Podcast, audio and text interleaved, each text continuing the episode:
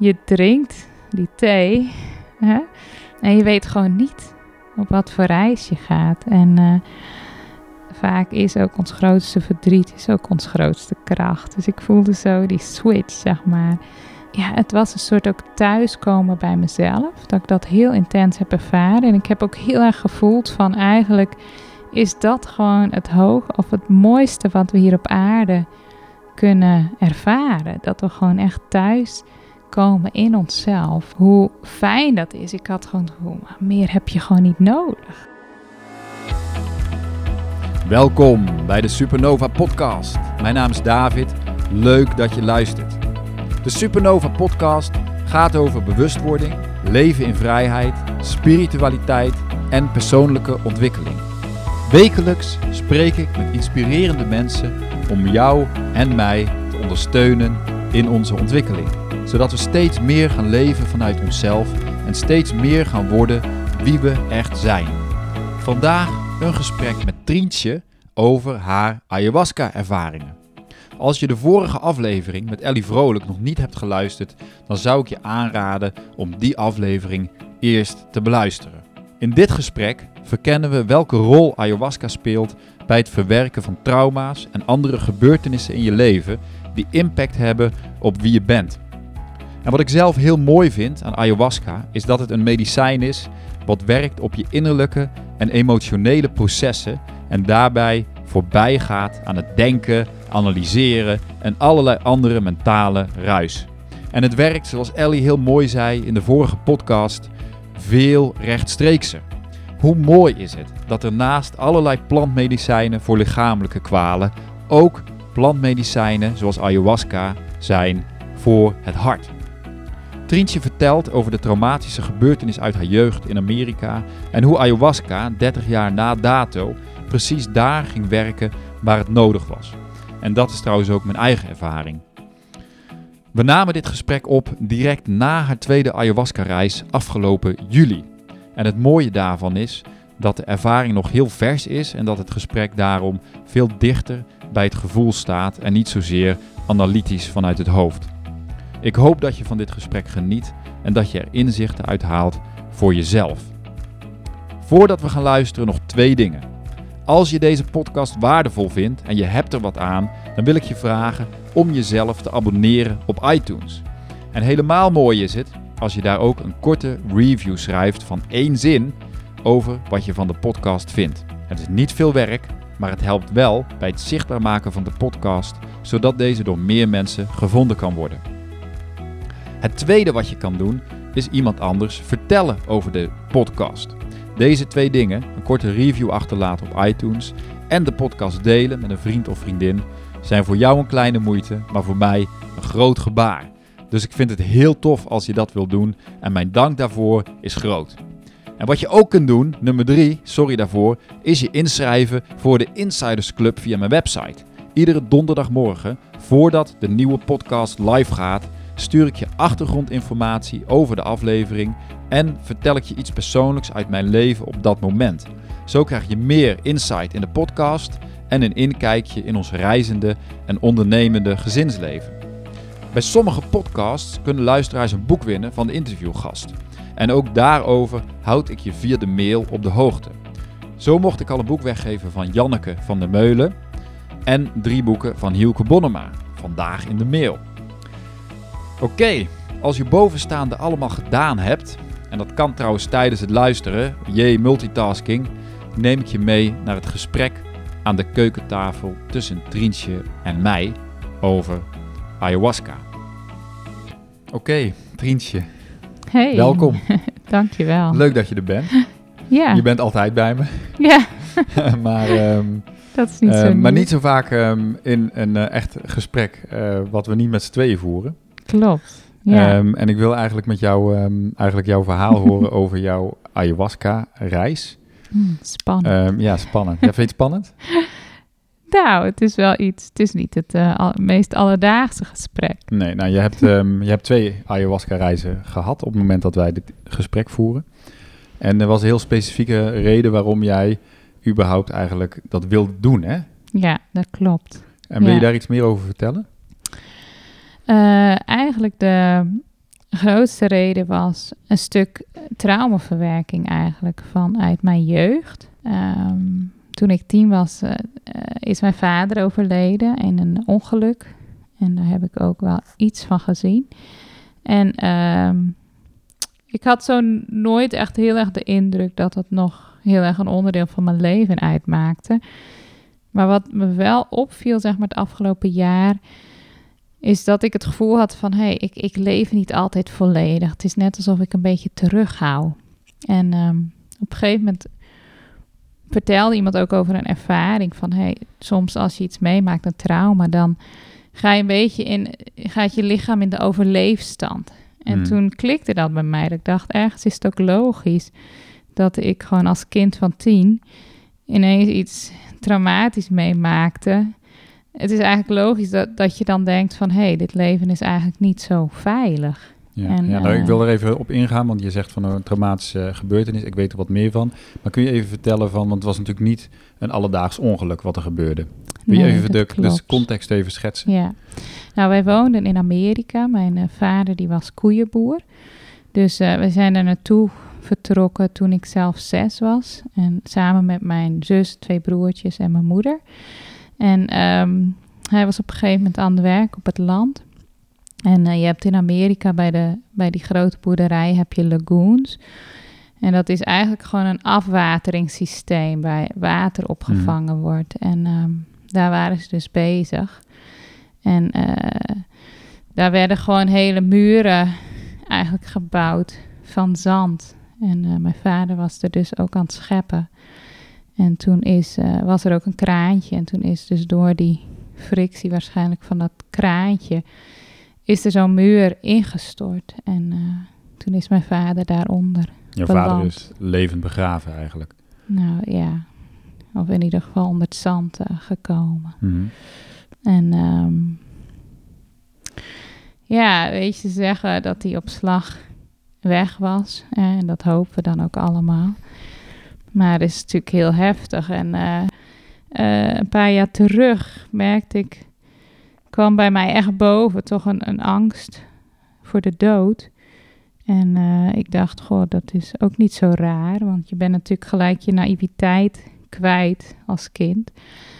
Toen heb ik ook wel een ervaring gehad. Ik, ik werk ook met kinesiologie en daar gebruik ik ook buisjes met emoties. En toen hebben samen mhm. getest, hè? Ja. omdat ik voelde van wat zit er onder die angst. Ik voel zo'n angst. En toen kwam wel ook het buisje verstikking daaruit. En toen heb ik heel, uh, toen kwam er bij mij heel veel los op dat vlak. Gewoon. Ja, was heftig eigenlijk. Ja. Eigenlijk ook een verrassing toen de tijd. Ja. Voor mij en voor jou. Maar toen bracht een uh, herinnering naar boven, hè? Ja. Dat was heel heftig en... Uh, maar dat was heftig omdat je toen eigenlijk besefte van... oké, mijn vader is gestikt. Ja. En het verstikkingsthema nou ja, Dat, hè, dat, dat, dat weten we gewoon niet zeker. Maar ik vond het wel heel apart dat dat thema gewoon zo boven kwam. En dat is wel ook, ja, was voor mij ook wel weer een nieuw um, stuk verwerking. Ja. Dat vond ik wel ook heel heftig, ja. ja. Nou ja, een stuk van die ervaring is ook dat um, uh, een jongen, zeg maar, die kwam mijn moeder waarschuwen. Die heeft de ambulance gebeld. Toen uh, ben ik daar zelf met mijn broer onder mij naartoe gelopen. Mhm. En ik denk dat dat gewoon een reflex is van, uh, van mij als kind om toch iets te willen doen. Ja, in zo'n, ja, ik voelde alle heftigheid. Mijn moeder die is ook gelijk gaan huilen. En um, dus toen ben ik daar naartoe gerend en toen waren ze dus ook bezig met dat kraantje. Nou, toen heb ik ook gezien dat hij daar lag. En uh, weet je, dat, daar heb ik bijna een soort vage herinnering van, omdat ik denk dat is waarschijnlijk een stuk bescherming in je systeem, dat je dat niet. Ja, je hebt dat lange, ehm, lange tijd heb jij dat beeld eigenlijk weggestopt. Ja, en dat is pas later echt boven gekomen dat ik dacht, goh, dat is echt iets wat ik heb gezien. En um, ik kan er nu over praten, ik denk ook door de ayahuasca-ervaring, want ik kon hier eigenlijk ook nooit over praten zonder gewoon dat, dat ik weer helemaal vol schoot ik zie wel even dat je het moeilijk hebt. Ik vraag natuurlijk door. Ja. En, uh, maar, maar ik ga het net nu brengen. Hè? Op een gegeven moment, hè, je hebt een ervaring gehad. Die, eh, waar je ook al in best al allerlei dingen, ja, ik zal niet noemen therapieën, maar wel van alles al mee hebt gedaan. Emotioneel werk. En toch had je het gevoel van, hé, hey, er is Ja. iets met die aarde. Daar gaan we het zo meteen ook over hebben. En er is iets met dood, zeg maar, wat jou in het nu, zeg maar, op bepaalde punten, zeg maar, blokkeerde. Ja, dus ik, ik heb inderdaad meerdere dingen ook wel gedaan om dat te verwerken. Hm. Maar het voelde alsof er ergens op celniveau of gewoon misschien op een diep manier dat het nog in mijn lijf zat. Of dat ik gewoon Ja. eigenlijk, dat het mij toch nog beperkte om, eh, om gewoon echt te leven. Ja. Alsof ik gewoon met, met, met een slag om de arm of zo leef. Hè? Ik merk elke keer doe ik iets, maar dan maak ik het niet af, weet je. Dus ik doe het allemaal half. En, Ja. eh, En dat was eigenlijk, zo ben ik erin gestapt. Dat ik dacht van, hé, hey, daar zit iets dieps of daar zit nog iets. En eh, ik wil gewoon eens kijken wat zo'n ervaring mij brengt op dat vlak. Maar je had dus van tevoren heel duidelijk van, oké, ik wil dat ayahuasca gaan doen. En het heeft een verbinding, zeg maar, of een link met de ervaring uit je jeugd. Ja, dus dat gevoel had ik Ja. wel heel sterk. Ik kreeg ook, want ik had een, een voorgesprek eh, met eh, Ellie Vrolijk, waar ik de ayahuasca heb gedaan. En zij beaamde ook dat dat heel vaak zo werkt. Gewoon dat je door emotionele gebeurtenissen eigenlijk niet helemaal Mhm. meer in je lijf durft te leven en hier echt durft te zijn. Ja. Dus ik had ook wel het gevoel van, hé, hey, dit, dit klopt wel dat ik dit ga doen. Ja. Ja. Oké, je hebt je op een gegeven moment aangemeld. Nou, er kwam een plek vrij eigenlijk, want het zat allemaal Ja. vol bij haar. Maar je bent op een gegeven moment eh, een opening. Ehm, en eh, eh, kun je even vertellen, ehm, ja, wil je daar iets meer over vertellen, over die wat eraan vooraf ging? Of, of gaan we gelijk naar de ervaring zelf? Ehm, nou, misschien in het kort. Ik werd, er kwam een plek vrij op het moment dat er ook iets anders was. En ik moest daarin gewoon echt eh, voor mezelf ook kiezen. Dus daar begon het al mee dat ik echt eh, ehm, een keuze voor mezelf moest maken. In plaats van eh, dat te doen wat eigenlijk de sociaal wenselijke weg was. Dus Mhm. eh, het, het opende zich al dat ik dacht van oké, Dit hoort dus bij het ayahuasca-proces ja, ze eigenlijk. zeggen namelijk Ja. heel vaak, zodra je aanmeldt, dan begint eigenlijk je reis al. Dan gaat moeder ayahuasca al, zeg maar, iets in je leven doen. Ja. En dat heb ik wel heel erg gemerkt. Dat was wel overduidelijk. Ja, ja, ja oké. Ja, Nou Goed, je bent een weekend daar naartoe geweest. ja. Ehm, wat was de ervaring zelf eigenlijk? Eh, nou, je hebt altijd een bepaald beeld van iets, hè, voordat je erin stapt. En ehm, ze vertelde ook daar van heel vaak beginnen mensen, begint de reis en nadat je drinkt, het is echt een drankje, een soort thee. En eh, vaak begint het voor mensen met flitsen of dat ze flitsen, kleurtjes beginnen te zien of Mhm. geometrische vormen. Dus eigenlijk lag ik daarop te wachten Ja, en dat gebeurde maar niet. nee. En ehm, op een gegeven moment voelde ik wel steeds meer emotie in mezelf omhoog komen. En ik dacht dat dat gewoon kwam omdat ik het gevoel had dat het bij mij niet werkte. En dat ik daar dus gewoon lag eindelijk. En Je dacht van Zie je shit, ben ik hier en het doet niks. weet je, het werkt natuurlijk bij mij weer niet. Dus daar werd ik eigenlijk voor mijn gevoel emotioneel over. En ja, dan is het gewoon heel mooi. Het was echt een plek waar ik ben geweest, waar gewoon echt hele fijne begeleiding was. En ehm, dat ze zeiden tegen mij van, hey, volgens mij moet jij eerst die tranen huilen die je nooit hebt kunnen huilen. Ja, En dat was eigenlijk alles wat ik hoefde te horen, want toen gingen gewoon echt de sluizen open. sluizen open. En ik heb, eh, ja, toen kwam er echt zo'n verdriet gewoon uit mijn hele, vanuit mijn tenen. En toen heb ik, ja, gewoon een paar uur gehuild eerst. En eh, ja, ik, ik, ik kon gewoon doorhuilen. Het was heel Had je ook een ervaring tijdens het huilen? Of? Nee, ik was gewoon helemaal aan het huilen. Ik was gewoon alles in me, mijn hele... Maar had je een besef was- van, oké, eh, wat het deed? Of, of had je gewoon zoiets van, Nee. nou, laat het maar gewoon lekker? Nee, ik had geen besef. Er kwamen ook geen beelden op dat moment. Nee. Ik voelde gewoon, er kwam gewoon verdriet uit. En eh, achteraf begrijp ik ook dat het bij ayahuasca kan er gewoon heel veel opgekropte emoties die er nooit uit konden. Die, hè, die, kunnen, die moeten soms eerst eruit voordat je weer echt lekker in je lijf kan leven. En, Ja. Dus ik dacht ook, ik haal maar gewoon door. Ja, en waar eindigde dit dan? Nou, dit eindigde eigenlijk doordat ehm, eh, vanuit de begeleiding eh, ze mij aanmoedigden om ook te voelen de kracht die daar eigenlijk onder Mhm. zit. Die, die pijn. En waar ik dus ben geweest eh, bij Mensen Aandacht in eh Hengstdijk, werken ze dus met eh, kussens en met een mattenklopper. Mhm.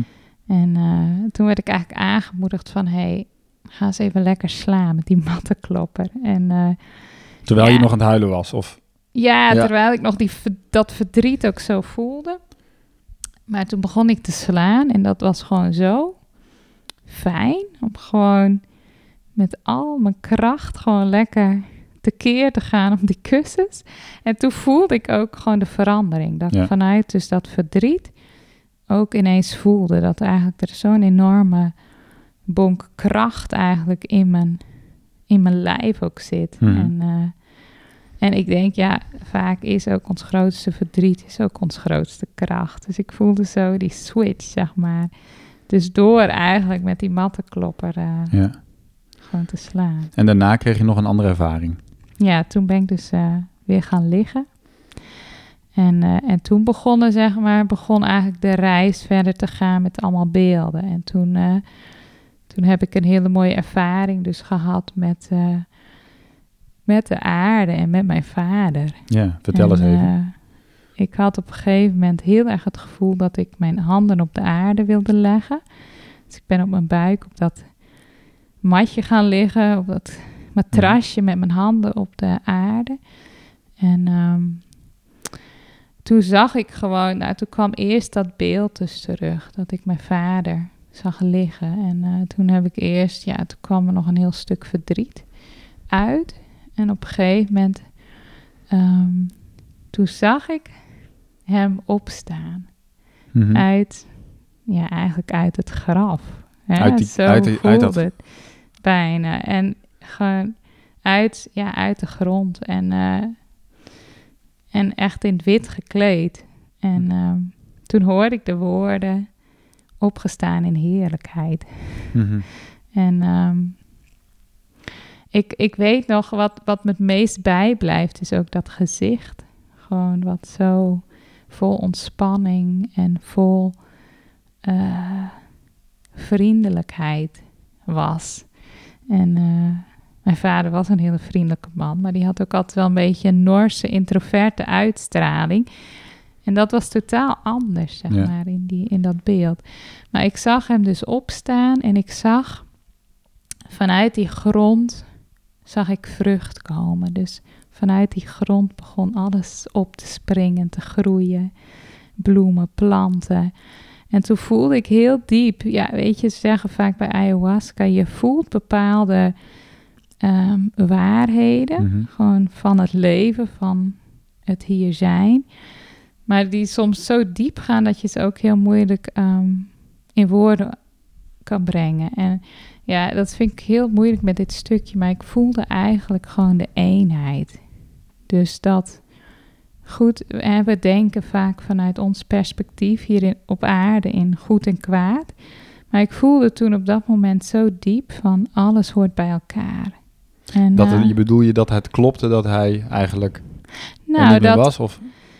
dat dat bij elkaar hoort. Dus hè, zijn sterven op die manier, maar ook het vrucht. De vrucht wat ik weer zag komen uit die grond. Dat Ja. Ik dacht op een diep niveau eh, is alles met elkaar verbonden. En, ehm, en toen voelde ik gewoon heel diep van binnen voor het eerst eigenlijk eh, een soort verzoening met de aarde.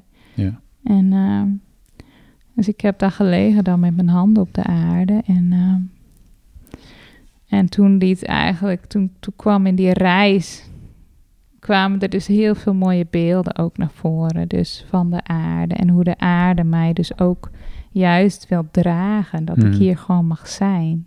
Veilig. En eh, Ja, want de aarde ik- was eigenlijk geen veilige Nee. plek. Was dat eigenlijk de conclusie van... dat realiseer ik Ja. me ook vooral achteraf. Van eigenlijk heb ik hier nooit echt gewandeld op aarde, weet je. Ik, met, met, ja, de aarde heeft, Ellie zei dat later, de aarde heeft gewoon je vader opgeslokt. Ja, dus dan is het geen veilige plek. nee.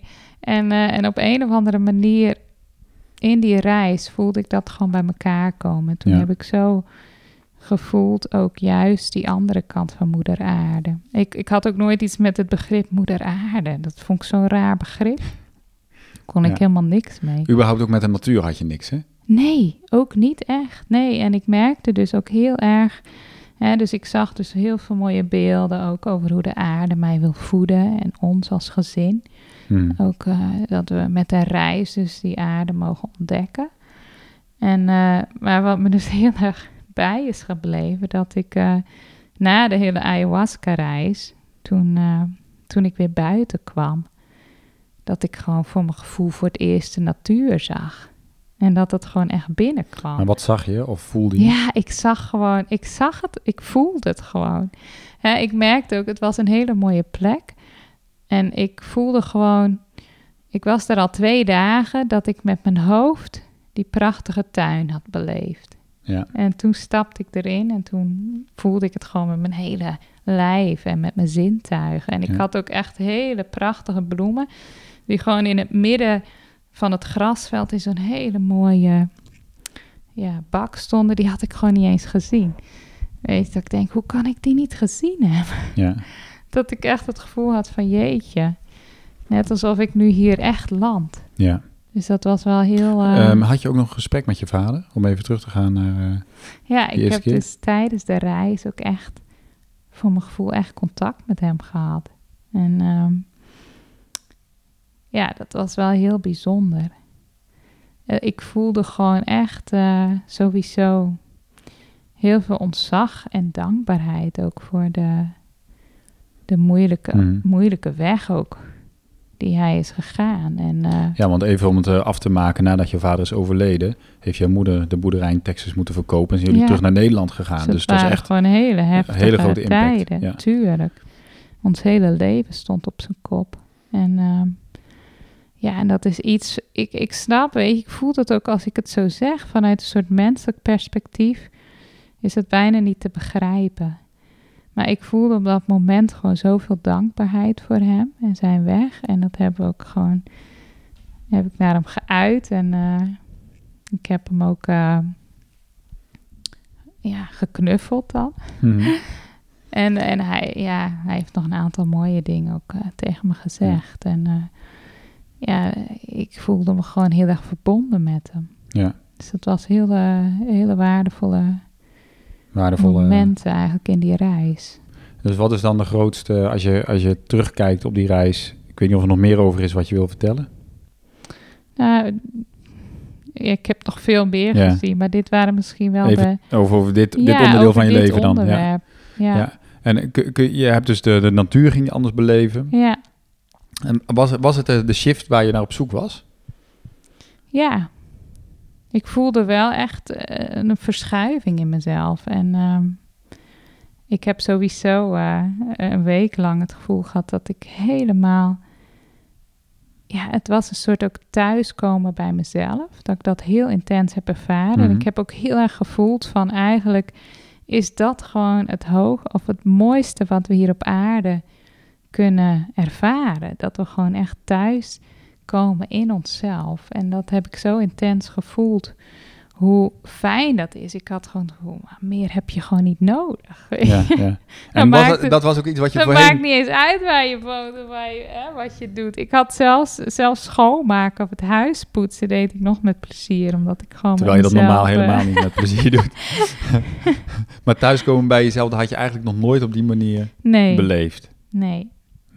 En, Maar hoe is eh, het dan nu? Dit is nu eh, een maand geleden of twee maanden geleden. Op Ja. het moment dat we dit opnemen. Kon je dat gevoel dan vasthouden? Of, Nou, niet zo intens als die eerste week. Omdat je gewoon, hè, ik denk dat dat gewoon ook het hele proces is van het leven. Dat je dan Ja. weer een beetje weer jezelf even kwijt of, of die hè, daaruit vloept. Ik weet niet zo goed hoe ik dat moet Ja. omschrijven. Maar wel eh, dat ik wel, als ik gewoon in de rust ben, dat ik wel die plek weer veel makkelijker kan vinden. Ja, net alsof je de weg naar huis wat beter weet. Ja. En eh, dat, was wel heel bijzonder dat die eerste week, dan heb ik wel geproefd van hoe het is als je dus ook inderdaad in die eenheid leeft. Ik voelde dat heel erg gewoon eenheid, gewoon met de mensen om me heen, met alle mensen. En hè, als je dan niet meer in afgescheidenheid denkt. En ja, dat, dat was wel echt eh, heel bijzonder. En dat heb ik nu niet op, in die mate, maar ehm, wel dat ik nog echt dat, dat kan voelen als ik daar Naartoe gaan. naartoe ga. Ja. Ja, Je hebt toen gezegd van nou, ik wil het nog een keer. ja. Je hebt onlangs een tweede ayahuasca eh, ervaren die Mhm. heel anders was op een andere plek. ja. Ehm, maar wat ik apart vond, en ik, eh, ehm, je zei op een gegeven moment, ja, en ik heb mijn vader weer gesproken. ja, klopt. Hij zei van, hé, hey, ben je daar weer? Is toch best apart? Ja. Nou, ik had ook zoiets, wat is dit toch vreemd, jongens? Zo van, zit ik dit nou te verzinnen, weet je? ja. Het grappige is, je bent er wel bij. Het is niet zo dat je helemaal de planeet verlaat, maar toch, het komt gewoon. En ehm, ik wilde dus die tweede reis doen, omdat ik het gevoel had van die eerste reis was een stuk hè, traumaverwerking en herstel met de aarde en eh, van het gebeuren met mijn vader. En ik was eigenlijk benieuwd van, hé, hey, wat laat moeder ayahuasca mij zien? Gewoon meer over mijn reis in het leven, mijn, Ja. waarom ik hier Wat is ben. je missie eigenlijk? Ja, ik Ja. dacht even, nu hebben we dat opgeruimd. Ja, aan de kant door. Van, nou, laten we nu Nou, ik vond het wel apart. eh, Je had to wel een drang. Jij zei van, nou, ik wil eigenlijk... Het was meer die, die week al zei van, ja, ik wil nog een reis. En die Ja. kwam ook heel snel daarna. Ja, dus het was op een andere plek, omdat eh, op die plek een vrij lange wachtlijst is. Maar weet je, dat was in een vrouwengroep, dus ook heel erg fijn. En ehm, ik heb, het grappige is dat ik ook van tevoren weer heb getwijfeld, want eh, het is iets waar, ja, het is gewoon een overgave. Want ik heb ook vroeger nooit drugs of zo gebruikt. Dat sprak me nooit aan, zeg maar, om die controle te verliezen of daarin te experimenteren. Dus ik merkte nu ook weer, oh ja, toch weer die drempel van je drinkt die thee hè, en je weet gewoon niet op Wat wat, voor reis je gaat. En, eh, en toch voelde ik van ja, ik moet dat gewoon nog een keer doen. Je was En, de eerste eh, keer echt super zenuwachtig ja, en angstig klopt. hier. Eh, Ik bedoel, eh, het klopte allemaal, maar je was echt de tweede keer had je het Ik wist ook dat ik eigenlijk. doen, maar oh, Ja. ik was echt zenuwachtig. De En- eerste keer was het heel eh, duidelijk. De tweede keer twijfelde je wel. Toen zei je tegen mij nog van ja, moet ik Ja. wel gaan? Ik zei ja, ik weet het niet. Ja, en ehm, toen heb ik voor mezelf nog een, een kaart getrokken. Omdat ik een, ik heb van die dozen met kaartjes. En toen trok ik de kaart van het enige wat aan jou kan sterven is je ego. Ja, toen dacht ik, weet je, ik ga het gewoon doen. Want waar ben ik bang voor? ja precies.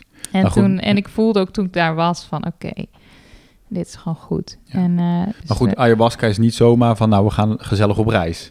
nee, Hè? Nee, ik zou, eh, dat wordt ook echt heel erg afgeraden, omdat bijvoorbeeld, want je kan het vast ergens bestellen, maar om dat zeker niet eh alleen Recreatief thuis zelf te alleen doen, te doen. Nee. En ik zou dat ook zeker met, met de ervaring die ik heb.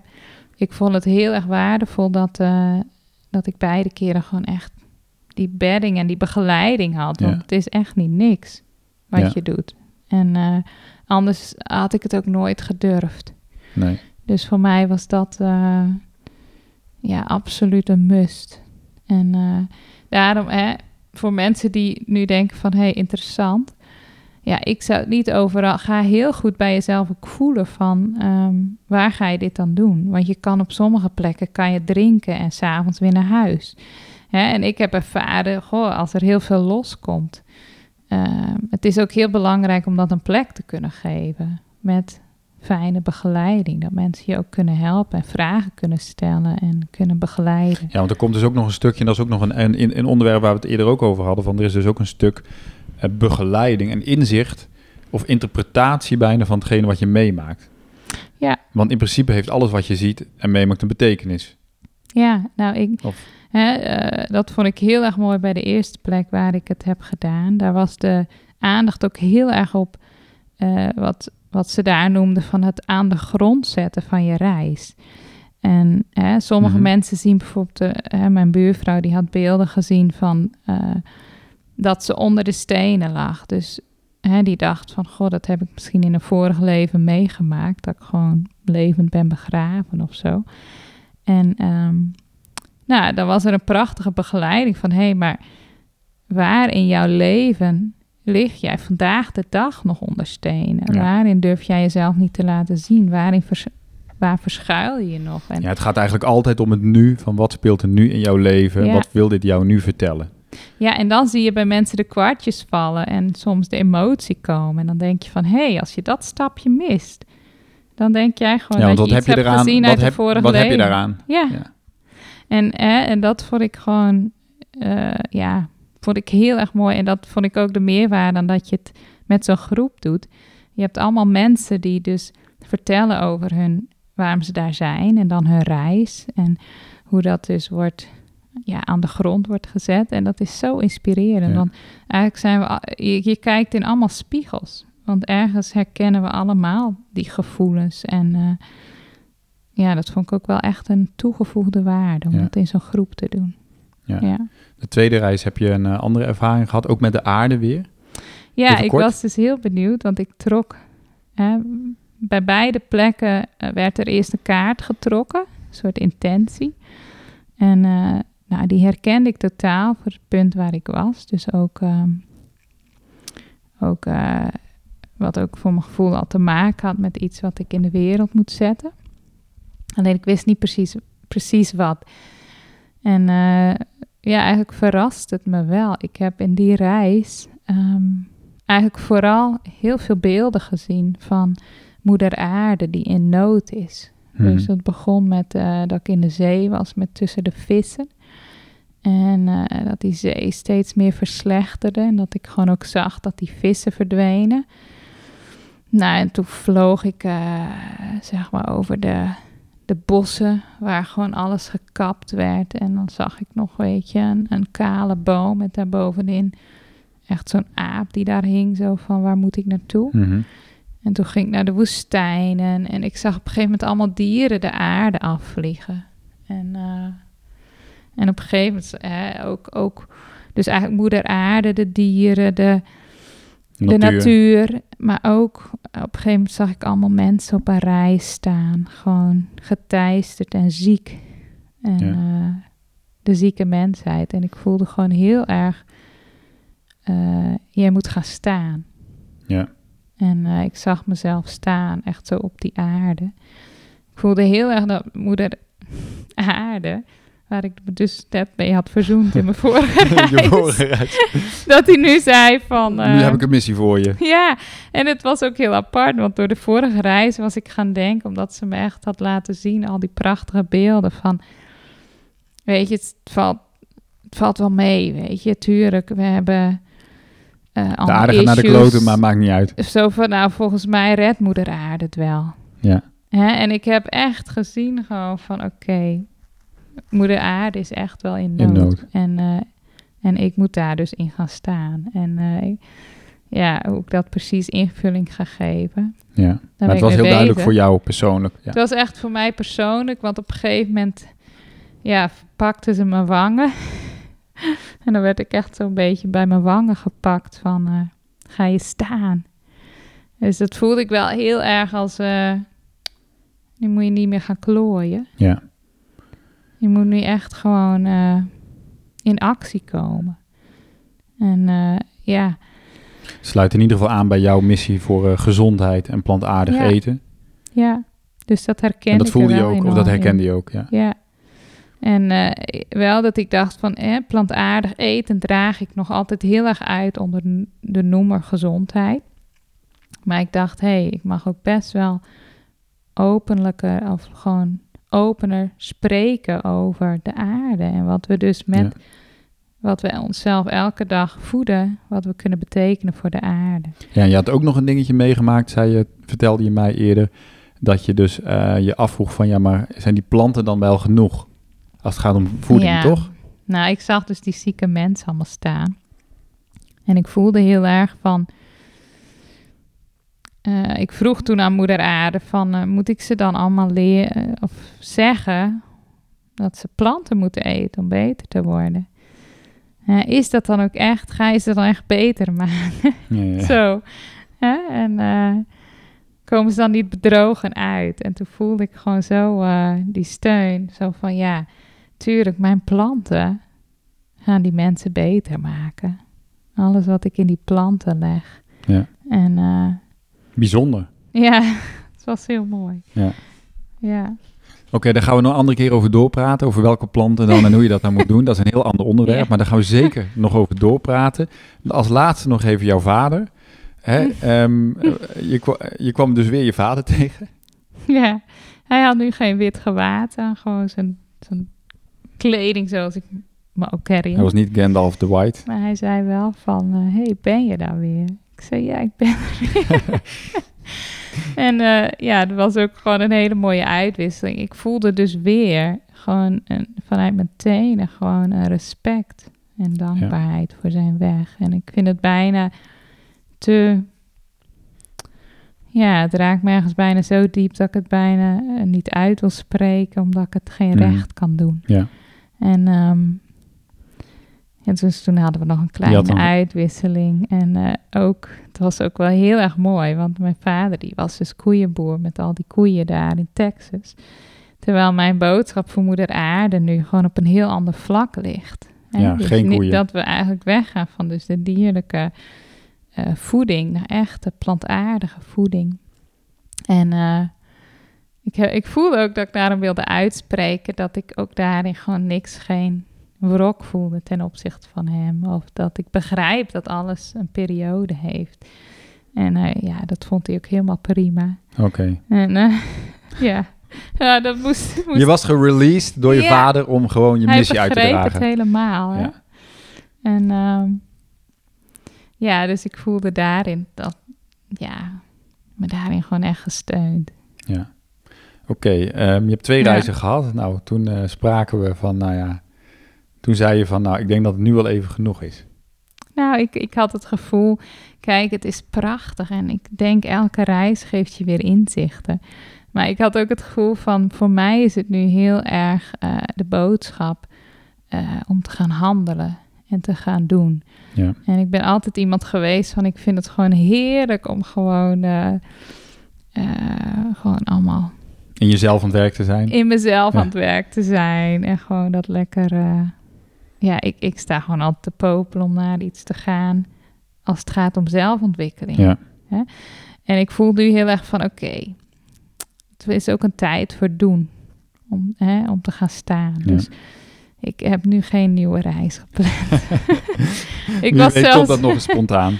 ik was zelfs even bang bij die tweede reis dat ik niks zou zien. Omdat ik zo die, die boodschap al voelde van... hé, hey, het is nu jouw moment om ook te gaan Ja, doen. Maar dat kwam namelijk al eerder vooruit. Dat kwam Ja. al- was eigenlijk de ayahuasca-reis was voor jou... zie ik niet eens iets... omdat eigenlijk moeder ayahuasca wil zeggen van... joh, je kan wel altijd dit blijven opzoeken... maar je moet nu in actie komen. Ja, het was voor jou een bevestiging voor iets wat je al wist wat je, wat je moest gaan Ja. doen. Ja. Dus ik was blij dat ik nog dat, dat, dat stuk ook mee eh, kreeg. ja, heel mooi. En wil je daar nog eh, tot slot nog iets aan toevoegen? Heb ik daar nog iets aan toe te voegen? Nou, ik, ik, Nou ja, vond kijk, het, zijn eh, ik wel had mensen- wel een soort full circle gevoel. Al van gewoon het, het herstel met de aarde en dan Mhm. die boodschap. En ook eh, met mijn vader daarin. Dat ik dacht van, hé, hey, dit is wel heel erg mooi hoe dat samenkomt. En Ja. ja. ja, ik voel me daar gewoon heel dankbaar dat ik dat, eh, dat zo'n zo'n plant, dat zo'n thee, eigenlijk Dat zulke effect heeft. dingen in je leven kan doen. Ja, we hadden het er natuurlijk ook, Dat is- daarnet ook ja. over voor dit, deze opname. Van ja, wat eh, bijzonder is dat er een plant is die eigenlijk bij jou als een soort zoeklicht in jou aan het werk gaat. En precies dat eruit pakt wat jij nodig hebt. Ja, en dat is gewoon heel bizar. Want iedereen heeft een andere reis en het klopt dan bij iedereen, hè? Ja. En eh, ja, wat dat betreft is dat echt eh, heel eh, magisch. Ja. Ja. Oké, dus ehm, ja, kun je dan zeggen, ja, dit is een aanrader. Ik bedoel, ja, het is natuurlijk toch wel een reis. Ja, ja ik, nee, ik zou het gewoon echt, ja, absoluut. Ik zou het echt aanraden. Kijk, er zijn ook, ik heb die eerste reis natuurlijk ook veel gehuild, dat er veel uitkwam. Maar weet je, dat voelt al, ook als zo'n opluchting. En zeker als je in een plek bent waar gewoon mensen zich vrij voelen om dat te doen en je wordt aangemoedigd. Ik heb daar op een gegeven moment, ja, toen ik zo lag te huilen, weet je, dat gewoon eh, iemand van de begeleiding gewoon achter mij zat met heel dicht mijn hand zo'n beetje op mijn rug en zei, huil maar, huil maar. Laat het maar eruit. En dat, weet je, dat was ook al zo waardevol. Dus Ja. nee, ja, ik, ik vond het zelf een, een, ja, een hele bijzondere ervaring. En eh, ik zou alleen dus erbij willen zeggen van zoek gewoon een plek waar je voelt, waar de begeleiding goed is en waar je dat echt Ja, want wat is er dan als die begeleiding er niet was geweest? En je zou zeggen van nou, ik ga gewoon dat drinken ergens. Nou, ik hoor van anderen wel eens dat je ergens dan uit zelfbescherming eh, daarin minder diep durft te gaan. Dus dat je ook eh, de werking daarin ook een beetje tegen Minder kan overgave. houden. Ja, dus hè, dan misschien dat je veel minder meemaakt op zo'n reis. Maar ik hoor ook wel eens, kijk, het kan ook heel heftig zijn als jij die begeleiding op dat moment niet hebt. Dus dat is natuurlijk heel vervelend Ja. kan ook heel veel, er komen bij sommigen kan, kunnen ook angsten boven komen. Of Ja. hè, noem maar op. Je weet Ja, het en het is belangrijk niet. dat iemand wel weet van wat hij moet doen op dat moment met jou. Want zij, dat is wel goed om te noemen, zij hebben jou ook op een gegeven moment uit het huilen gehaald. Ja, want ik dacht Anders was je van- doorgegaan. Ik dacht, ik kan gewoon tot in de eeuwigheid huilen. Zo voelde het. En ehm, ik dacht ook van, ja, ik ga maar door. Want ik weet niet wanneer het klaar is. Dat kon ik zelf niet voelen op dat moment. En ehm, ja, dat soort momenten, dat er dan die begeleiding is... eh, om je een stukje verder te helpen. Ja, heel waardevol. Oké, nou mooi. Bedankt dat je het wilde delen met ons allemaal. Ja, Eh, ik heb het al eerder gehoord natuurlijk, maar ehm, dan, ehm, ja, het is goed om zo te delen. We gaan het hierbij laten. We gaan nog zeker vaker aandacht besteden aan ayahuasca. Ik heb Hm. nog een mooi interview eh, op de planning staan. Ehm, in ieder geval bedankt dat je het zo open wilde vertellen met ja. ons. Het is toch persoonlijk uiteindelijk, hè? Ik bedoel, Nou het ja, is jouw het voelt in die zin dubbel, want het voelt ook bijna als een soort heilig Ja. iets. In die zin ehm, heb ik ook wel nagedacht, wil ik dat dan vertellen? Maar ik weet ook, weet je, misschien luistert u nu net iemand die, die daardoor iets geraakt is of wat weer eh, een stap verder helpt. ja. Ja, Trientje, dankjewel. We gaan het hierbij laten. en eh, we gaan vervolgen met een eh, ander onderwerp. Oké. Dankjewel. Hè. Oké, dat was hem. Ik ben heel benieuwd wat je van Trientje haar verhaal vond. Dat kun je mij laten weten door me te mailen via supernova.davidpieters.com of door een bericht te sturen aan mij of Trientje via Instagram of Facebook, waar je ons allebei kunt volgen. Ik vraag je nogmaals, als je dat nu niet gedaan hebt, om jezelf te abonneren op iTunes, een review daarachter te laten en de podcast te delen met een vriend. En als je echt fan bent, dan schrijf je je in voor de Insiders Club, waar ik nog meer achtergrondinformatie en persoonlijke belevenissen uit ons leven met jou deel. Ik bedank je voor het luisteren en volgende week dan ben ik er weer met volgens mij de laatste aflevering van de podcast van dit jaar. Het wordt een bijzondere uitzending. Eh, dus bedankt voor het luisteren en tot volgende week.